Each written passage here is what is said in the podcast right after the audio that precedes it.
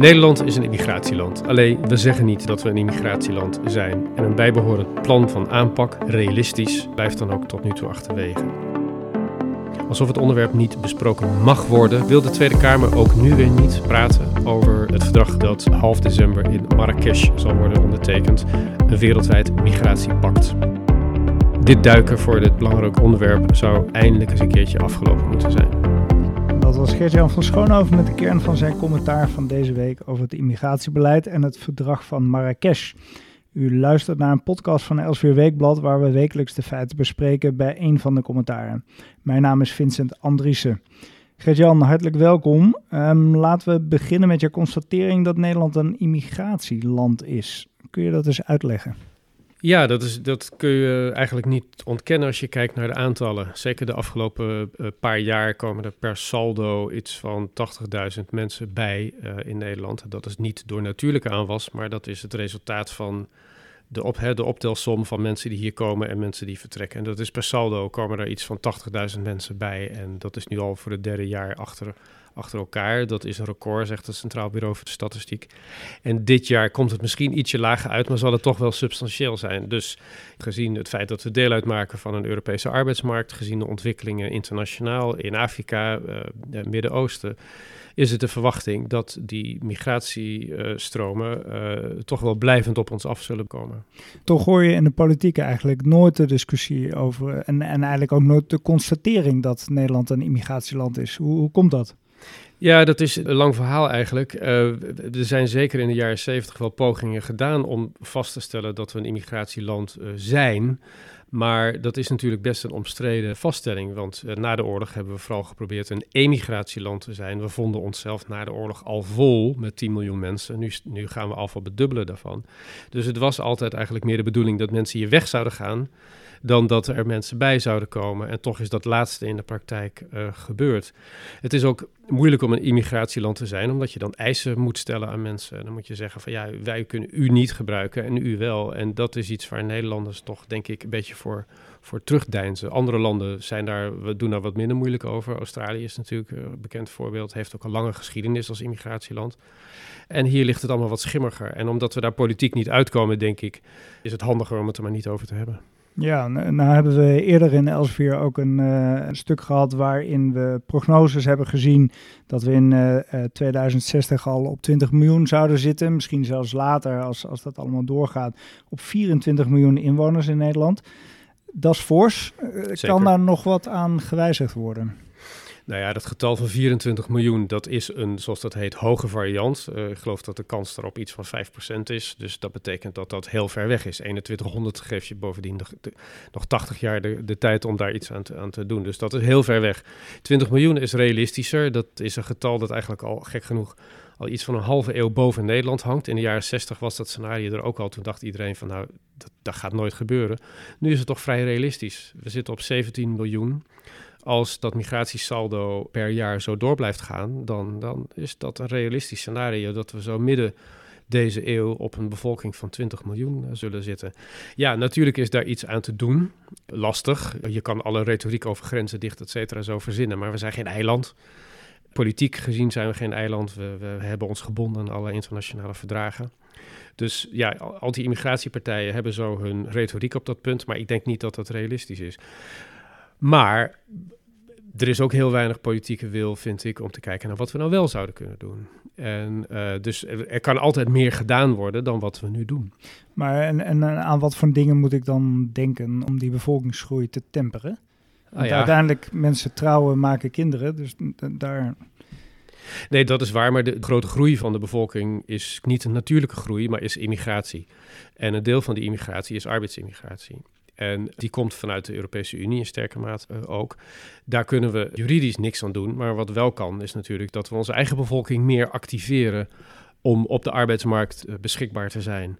We kunnen zeggen, we gaan, we gaan Nederlandse echtparen weer stimuleren om meer kinderen te krijgen. We gaan de kinderbijslag uh, verdubbelen. Gaan we lekker drie, vier kinderen maken. Daar wordt het ook niet rustiger van in Nederland, dat is zeker waar. Maar dat betekent wel dat je vanuit de autochtone bevolking gaat kijken hoe we die vraag op de arbeidsmarkt kunnen vervullen. Zodat je die arbeidskrachten niet uit immigratie hoeft te halen met alle complicaties van dien. Ja, dus er zijn zeker knoppen aan, waar we aan kunnen draaien. Wel wat, zeker, ja. Ehm, dan is er binnenkort nog een uh, bijeenkomst in Marrakesh uh, in uh, december. Ja. Daar staat het sluiten van een verdrag over migratie op de agenda. Wat houdt dat verdrag precies in?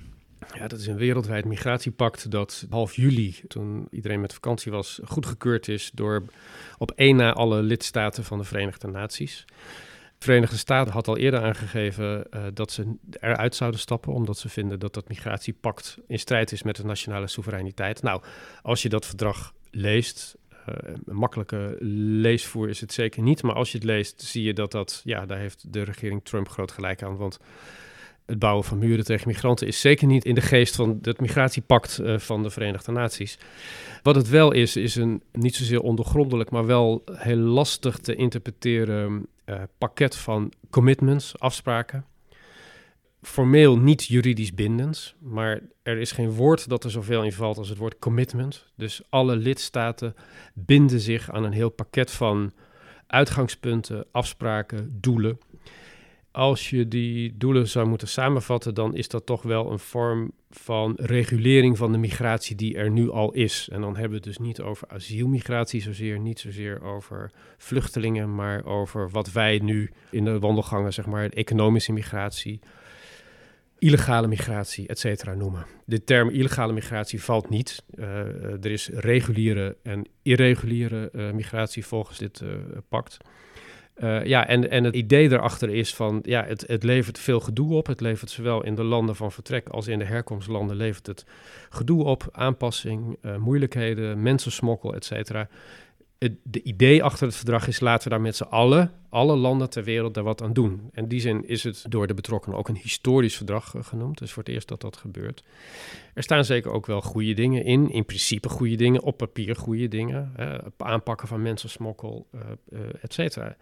Het aanpakken van de pushfactoren in de landen van herkomst. Dus kijken wat je in Afrika kan doen aan de reden waarom mensen vertrekken. Dat zal iedereen nuttig vinden.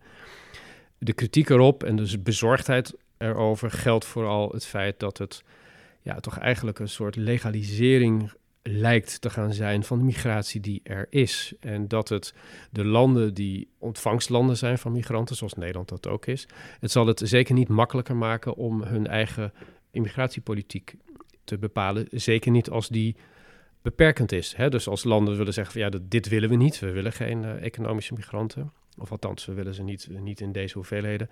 Ik vermoed dat dit verdrag dat er niet makkelijker op zal maken. Lijkt me een zeer interessant onderwerp om te bespreken in de Tweede Kamer. Ja, dat lijkt mij ook. Het lijkt uh, een aantal politieke partijen ook. Uh, dus uh, Forum voor Democratie heeft vorige week daartoe ook opgeroepen in de Tweede Kamer. Heeft een motie ingediend. Die is ondertekend door, ik dacht alleen de PVV en ook door de SGP. Uh, maar die heeft ze niet gehaald. Dus vooralsnog uh, heeft de Kamer zich uh, nog niet op dit onderwerp gestort. En dat, ja, ik vind dat zelf jammer, want, en slecht ook eigenlijk gewoon. Want het is heel lastig om, als je dit hele pakket leest en de 23 doelen die er geformuleerd zijn, om daar een soort balans van op te maken. Wat betekent dat voor Nederland als de facto immigratieland? Wat kunnen we straks nog? Wat betekent het dat het weliswaar niet juridisch bindend is, maar in de praktijk zie je toch vaak dat rechters dit, dit soort verdragen, waar ook gewoon een Nederlandse handtekening onder staat en waarin het woord commitment honderd keer valt. Hè, dus ja, hoe groot is de kans dat dit toch bindend zal blijken te zijn in de praktijk? Er zijn een heleboel zinnige, rustige, kalme, feitelijke vragen te stellen over dit verdrag dat we waarschijnlijk gewoon gaan ondertekenen. En die worden nu niet gesteld en dat vind ik echt een gemiste kans. We hebben het goedgekeurd uh, in juli, uh, maar de ondertekening is in Marrakesh uh, half december. Hongarije heeft het ook goedgekeurd, voor zover ik weet, in juli, maar heeft daarna aangekondigd niet te gaan ondertekenen. En ook in Oostenrijk en Denemarken. Nou, het zijn niet toevallig die landen, denk ik. Maar daar is een soort groeiende sceptisch over dit pact. En uh, nou, dat lijkt mij mede reden voor Nederland om nog eens kritisch te kijken naar wat we daar gaan ondertekenen. Ja, we gaan kijken of er misschien toch nog een debat uh, gaat volgen in de Tweede Kamer. Hartelijk dank voor jouw toelichting, uh, Gert-Jan. Meer commentaar van Elsevier Weekblad vindt u in het magazine of online op www.elsevierweekblad.nl. Mijn naam is Vincent Andriessen en ik dank u hartelijk voor het luisteren naar deze podcast van Elsevier Weekblad.